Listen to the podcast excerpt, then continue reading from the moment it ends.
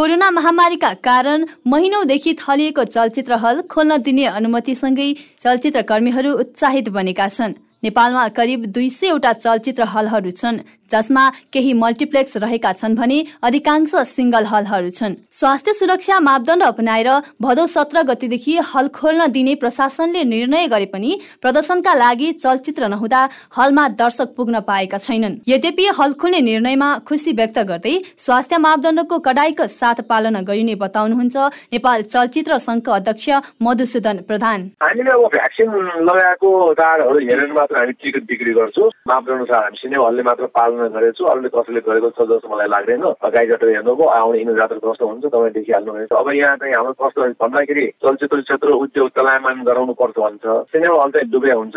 प्रड्युसरहरू जुन फिल्म बनाउने डिस्ट्रिब्युटर निर्माताहरू चाहिँ उहाँहरू चाहिँ डुबै नहुने भन्ने हुँदैन। किन फाइदा भयो भने तिनीहरूले खाने। नोक्सान हुँदा कि तिन मात्र नोक्सान कस्तो भागीदार हामी बस्दैनौँ भन्नेलाई अलिकति यो चाहिँ चित्त बुझेन।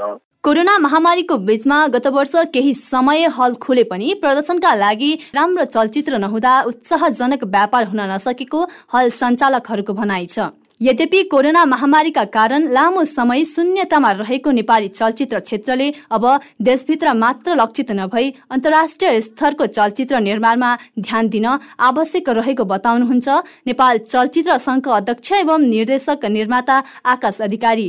यसलाई परिवर्तन गर्नुपर्छ। त्यो भनेको यो दुई वर्षको लकडाउन र जुन जुन प्रब्लम झेल्यो फिल्म इन्डस्ट्रीले अब फिल्म इन्डस्ट्री परिवर्तन हुनुपर्छ र परिवर्तन भएर आउँदैछ फिल्म इन्डस्ट्री अब मेकिङ हुने सिनेमाहरू थोरै बन्छन् तर राम्रो बन्छन् नेसनलमा मात्रै नभएर इन्टरनेसनलले समेत हेर्न सक्ने सिनेमा अब बन्नुपर्छ हल खुला गर्ने निर्णय भइसँगै कुन चलचित्र प्रदर्शन गर्ने भन्ने विषयमा निर्माता निर्देशक तथा सरकारवाला बीच छलफल भइरहेको चलचित्र विकास बोर्डका अध्यक्ष दयाराम दाहालले जानकारी दिनुभयो। मात्र बन्द भएको होइन यो वर्ल्ड वाइड बन्द भएको हो। कुरा के छ भने हलले पनि सिनेमा कुन रिलिज हुने भन्नुको लागि चाहिँ कमभन्दा कम रिस्क होस् निर्माताहरूलाई हलवालाहरूलाई भनेर छलफल चलिरहेको छ। त्यसो त महामारीका कारण लामो समय हल बन्द हुँदा त्यसको विकल्पमा ओटिटी प्लेटफर्मको समेत विकल्प खोजिँदैछ हलिउड तथा बलिउडमा ओटिटी प्लेटफर्म मार्फत चलचित्र रिलिज गर्दै निर्माताहरूले राम्रै आमदामी गर्दै आएका छन्। प्राविधिकको विकाससँगै नेपालमा पनि केही नेपाली चलचित्र